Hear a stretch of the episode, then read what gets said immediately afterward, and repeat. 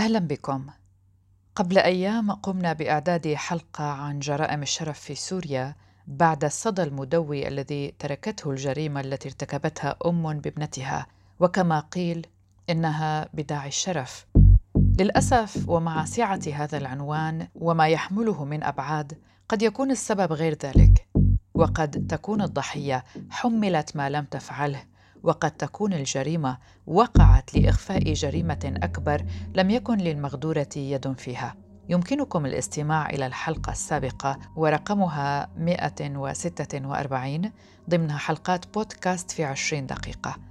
وبعد إعداد حلقتنا السابقة وصلتنا دعوات كثيرة عبر كل وسائل التواصل والاتصال لمتابعة ذلك ودعينا لتغطية وقفة احتجاجية في محافظة السويداء ردا على تلك الجريمة وللمطالبة بوقف العمل بالعذر المخفف لهذا النوع من الجرائم. لذلك ندعوكم للاستماع. أنا لجين حمزي طبيبي وناشطة حقوقية. أنا ومجموعة من أصدقائي من النشطاء المدنيين دعينا لوقف احتجاجية أو خلينا نسميها صرخة احتجاجية على ما يسمى بجرائم الشرف. آه، نتيجة تفشي هاي الجريمة بالآونة الأخيرة وعدم وجود أي تدابير أو خطة لمكافحتها. إذا نفذ ناشطون في محافظة السويداء منذ أيام وقفة احتجاجية نظموها أمام قصر العدل في المحافظة التي تقع جنوب سوريا ضد ما يسمى بجرائم الشرف. هذا كان ما أعلنته الطبيبة والناشطة المدنية لجين حمزة لبرنامج في عشرين دقيقة عن تنظيمهم لهذه الوقفة شعار وقفتنا كان دمك برقبتنا وكان على شكل شاكوش أو مطرقة عليها دم. طبعا هي كانت رد على الجريمة اللي حصلت مؤخرا اللي هي الأم والخال قتلوا سيدي عن طريق ضربة بالشاكوش. بس الحقيقة نحن لا وقفتنا كانت موجهة ضد كل الجرائم اللي ارتكبت بما يسمى بجرائم الشرف. كانت الوقفة الاحتجاجية الصامتة قد شهدت مشاركة واسعة رفع خلالها المشاركون لافتات كتب عليها الجريمة والشرف لا يلتقيان ومطلبنا سيادة القانون القانون هو الأمان والحماية القانون النظري لا يخدمنا. آه، حصلت الوقفة أمام القصر العدلي. طبعا اختيارنا للقصر العدلي لأنه مطالبنا. هي أولا بتخص القانون. طبعا معروف أنه ما بيتغير المجتمع بتغير القانون فقط ولا بيتغير بتغير الوعي الجمعي. هني يعني خطين متوازيين لازم يمشوا سوا القانون ووعي المجتمع آه، لحتى نقدر نطور هذا المجتمع بشكل عام. هلا أول طلب من مطالبنا كان آه، سيادة القانون واستقلاليته. آه، يعني إنه تكون كلمة القانون هي الكلمة العليا لأنه القانون هو الحماية وهو الأمان بظل الدولة المدنية. ما بكفينا مثلا وجود نصوص قانونية حتى لو كانت هاي النصوص منصفة. لكن إذا كان تطبيقها على الأرض قاصر ووهمي فهي ما بتفيدنا ما بتفيد المجتمع. كما جاء في خطاب دعوة المنظمين من كان منكم بلا خطيئة فليرمها بأول حجر. ندعوكم إلى الوقفة الاحتجاجية الصامتة على قتل تسع ضحايا من النساء بعد إلغاء العذر المخفف للعقوبة بحجة غسل العار. وكان مجلس الشعب في سوريا أقر إلغاء المادة 548 من قانون العقوبات لعام 1949 المعروفة باسم العذر المخفف لجرائم الشرف في الثاني عشر من آذار مارس الماضي. لكن ناشطون يؤكدون أن ما يزيد عن عشر جرائم قتل قد حصلت بعد إقرار إلغاء هذه المادة والتي لا زالت حبرا على ورق حسب تعبيرهم. يمكنكم أيضا الرجوع إلى الحلقة السابقة التي ذكرتها في بداية حلقتنا اليوم. الحلقة 146 من حلقات بودكاست في 20 دقيقة. تحدثنا في تلك الحلقة بالتفصيل عن أسباب عدم إلغاء العذر المخفف للعقوبة.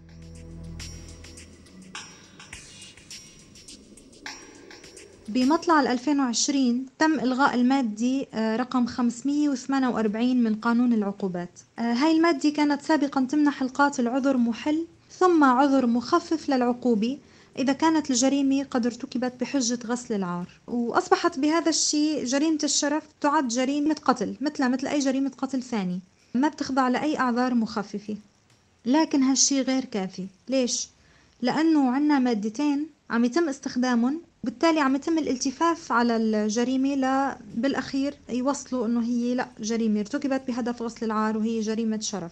المادة الأولى هي المادة 192 هاي المادة بتنص على تخفيف العقوبة إذا تبين للقاضي أن الجرم حصل بدافع شريف.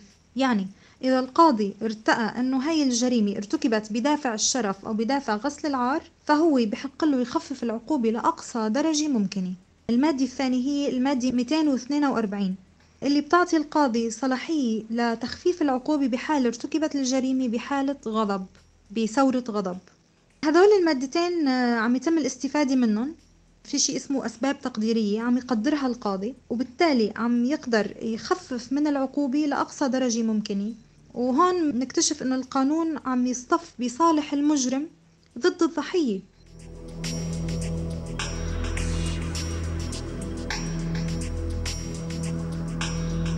يمنح القانون السوري عذرا مخففا للجرائم المرتكبة بالدافع الشريف وذلك في المادة 192 من قانون العقوبات السوري التي حددت العقوبات المخففة في حال توفر هذا الدافع. ويعرف قانون العقوبات الدافع بأنه العلة التي تحمل الفاعل على الفعل أو الغاية القصوى التي يتوخاها إلا أنه لم يحدد ما هو الدافع الشريف وترك أمر تعريفه وتحديده للقاضي. وهذه ثغرة أخرى في قانون جرائم الشرف في سوريا وعليه وبسببه لم يتم إلغاء العذر المخفف للعقوبة بحجة جريمة الشرف. سنستمع الآن لأصوات وصرخات بعض المشاركين والمشاركات في الوقفة التي حدثت يوم الخميس الفائت في التاسع عشر من شهر نوفمبر تشرين الثاني. هلا مشاركتي بهاي الوقفة انطلاقا من إنه الإنسان حر حر بعمله بطموحه بفكره وحتى بجسده هاي هي الغاية اللي حابب من شانها إنه يشارك بهاي الوقفة التضامنية مع حقوق المرأة بأنها تكون إنسان حر. وشكرا لكم هلا كل اللي بدنا إياه نحن يطبق القانون بحرفيته. آه، إلغاء العذر المخفف ما لغى ابدا جرائم الشرف. نحن بدنا القضاة تلتزم بإنه الغي العذر المخفف. القضاة ما تأخذ الدافع ابدا بعين الاعتبار وقت اللي عم بتحاكم أي مجرم قام بأي جريمة سواء جريمة شرف أو غير جريمة شرف. يعني نحن أساسا لما ألغينا العذر المخفف معناته نحن ألغينا هذه الصبغة عن عن جريمة عن الجريمة اللي كانت بين قوسين آه، يقوم فيها الفاعل بذريعة تحت ذريعة الشرف. لذلك نحن بنطالب القضاة كلهم إنه ما يأخذوا الدوافع بعين الاعتبار. ابدا ولا يعتبروا إنه هاي جرائم لازم نحن ناخذ لها عقوبات بالحد بالحدود الدنيا أو ما ناخذ العقوبات بالحدود القصوى. كثير بنطالب إنه العقوبة تكون لأقصاها. عقوبة بحق القاتل لأنه القاتل عم بيرتكب جريمته عن سبق إصرار وتعمد وعم بيكون مخطط لها لأنه ولا جريمة ارتكبت بهذا السياق إلا ما كانت في إلها تخطيط مسبق. ما عم تجي جرائم عشوائية. آخر شيء عم نرجع نخبي آثار هاي الجرائم بأشكال كثير بشعه وسيئة. أهم شيء الجريمة الأخيرة اللي اكتشفت بالسويدة طالما إنه انقبض على الفاعلين فيها كثير نحن مع إنه آه، تنزل فيهم أقصى العقوبات. ورجاء نحن بس هي أقصى آه، شيء بالنسبة لنا حاليا انه نحن بدنا نطالب بإنزال العقوبات القصوى والقضاة ما يتحيزوا ابدا ولا للحظة يفكروا بإنه هاي جرائم عم ترتكب لخير المجتمع هاي جرائم عم بتكون ابدا ابدا هاي جرائم ما لخير المجتمع هاي جرائم عم بتقوض أسس المجتمع عم بتشجع العالم ترتكب جرائم بدوافع كثيرة. وممكن أساسا يصير العالم ترتكب لهي الجرائم بدون ما إنه تفكر بالرادع القانوني إلى القانون ثم القانون ثم القانون.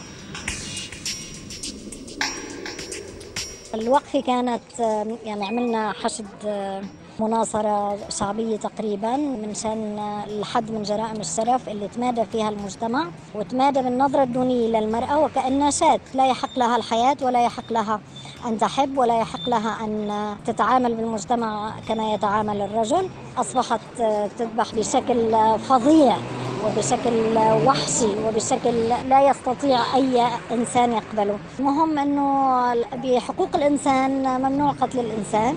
حتى إنه ما ما بتتضمن حقوق المرأة ما بتتضمن آه، هاي آه، هذا البند لأنه النظرة الدونية تمادت آه، من قبل الذكور حتى من قبل الإناث نفسهن. تماهت المرأة بعض النساء تماهت مع النظرة الدونية لل اللي بينظرها المجتمع للمرأة واللي بتنظرها السلطات الدينية والاجتماعية. النظام الاجتماعي نظام قاسي جدا العرف أصبح قانون والقانون ما عم يتنفذ نهائيا القانون هو آه، عبارة عن آه، حبر على ورق.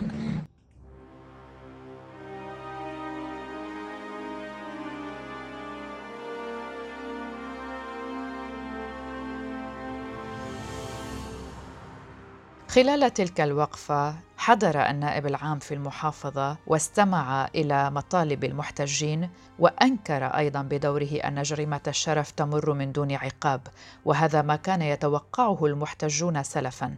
خصوصا بعد الانقسام الذي حصل قبل يوم في أروقة القصر العدلي بين مؤيد ومعارض لهذه الوقفة الاحتجاجية، الأمر الذي أدى إلى غياب واضح للحقوقيين ولمنظمات مناصرة حقوق المرأة.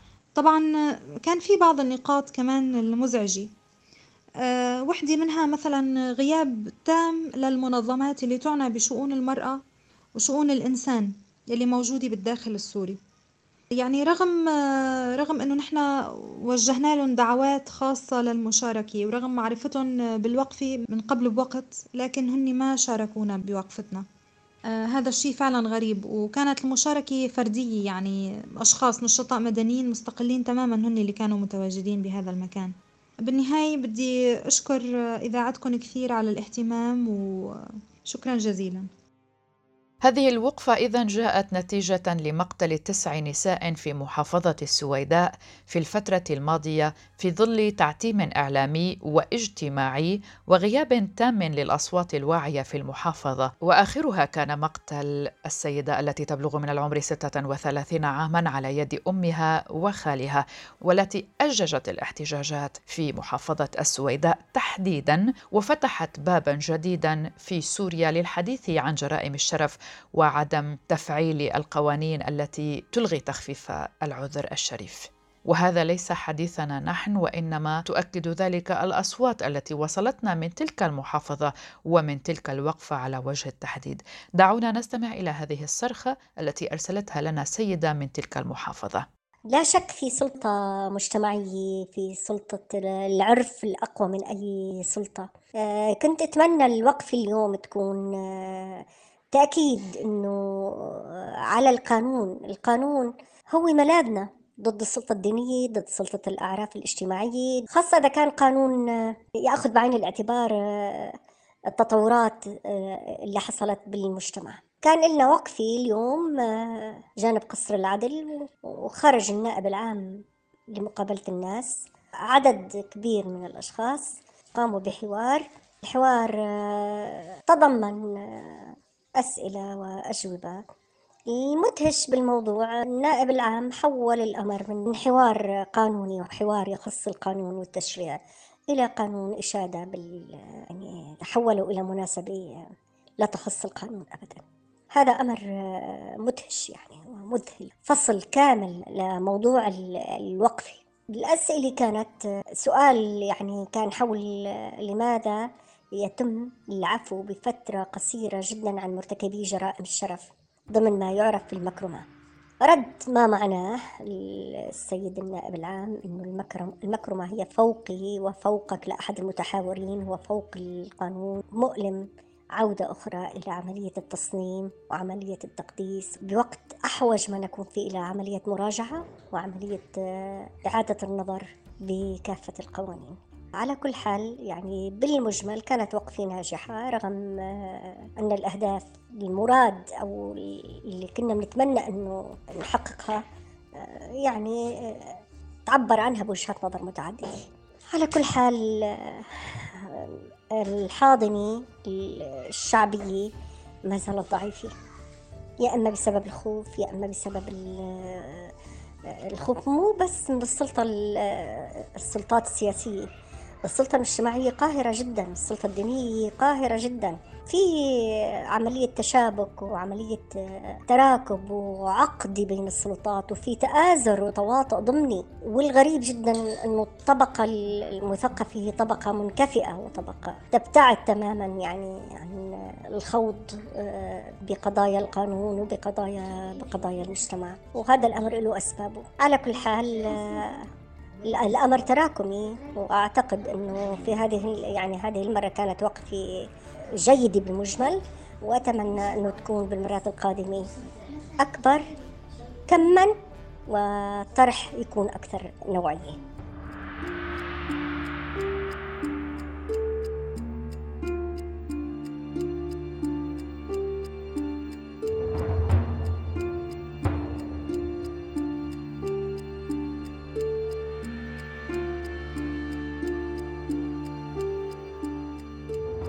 وفي ختام الحلقة ننوه إلى أن جرائم الشرف تنتشر في سوريا بمختلف محافظاتها وتشير الأرقام إلى زيادة نسبة هذا النوع من الجرائم 60% خلال السنوات الماضية التي شهدت فيها سوريا ظروفا استثنائية على مختلف الصعد الحياتية.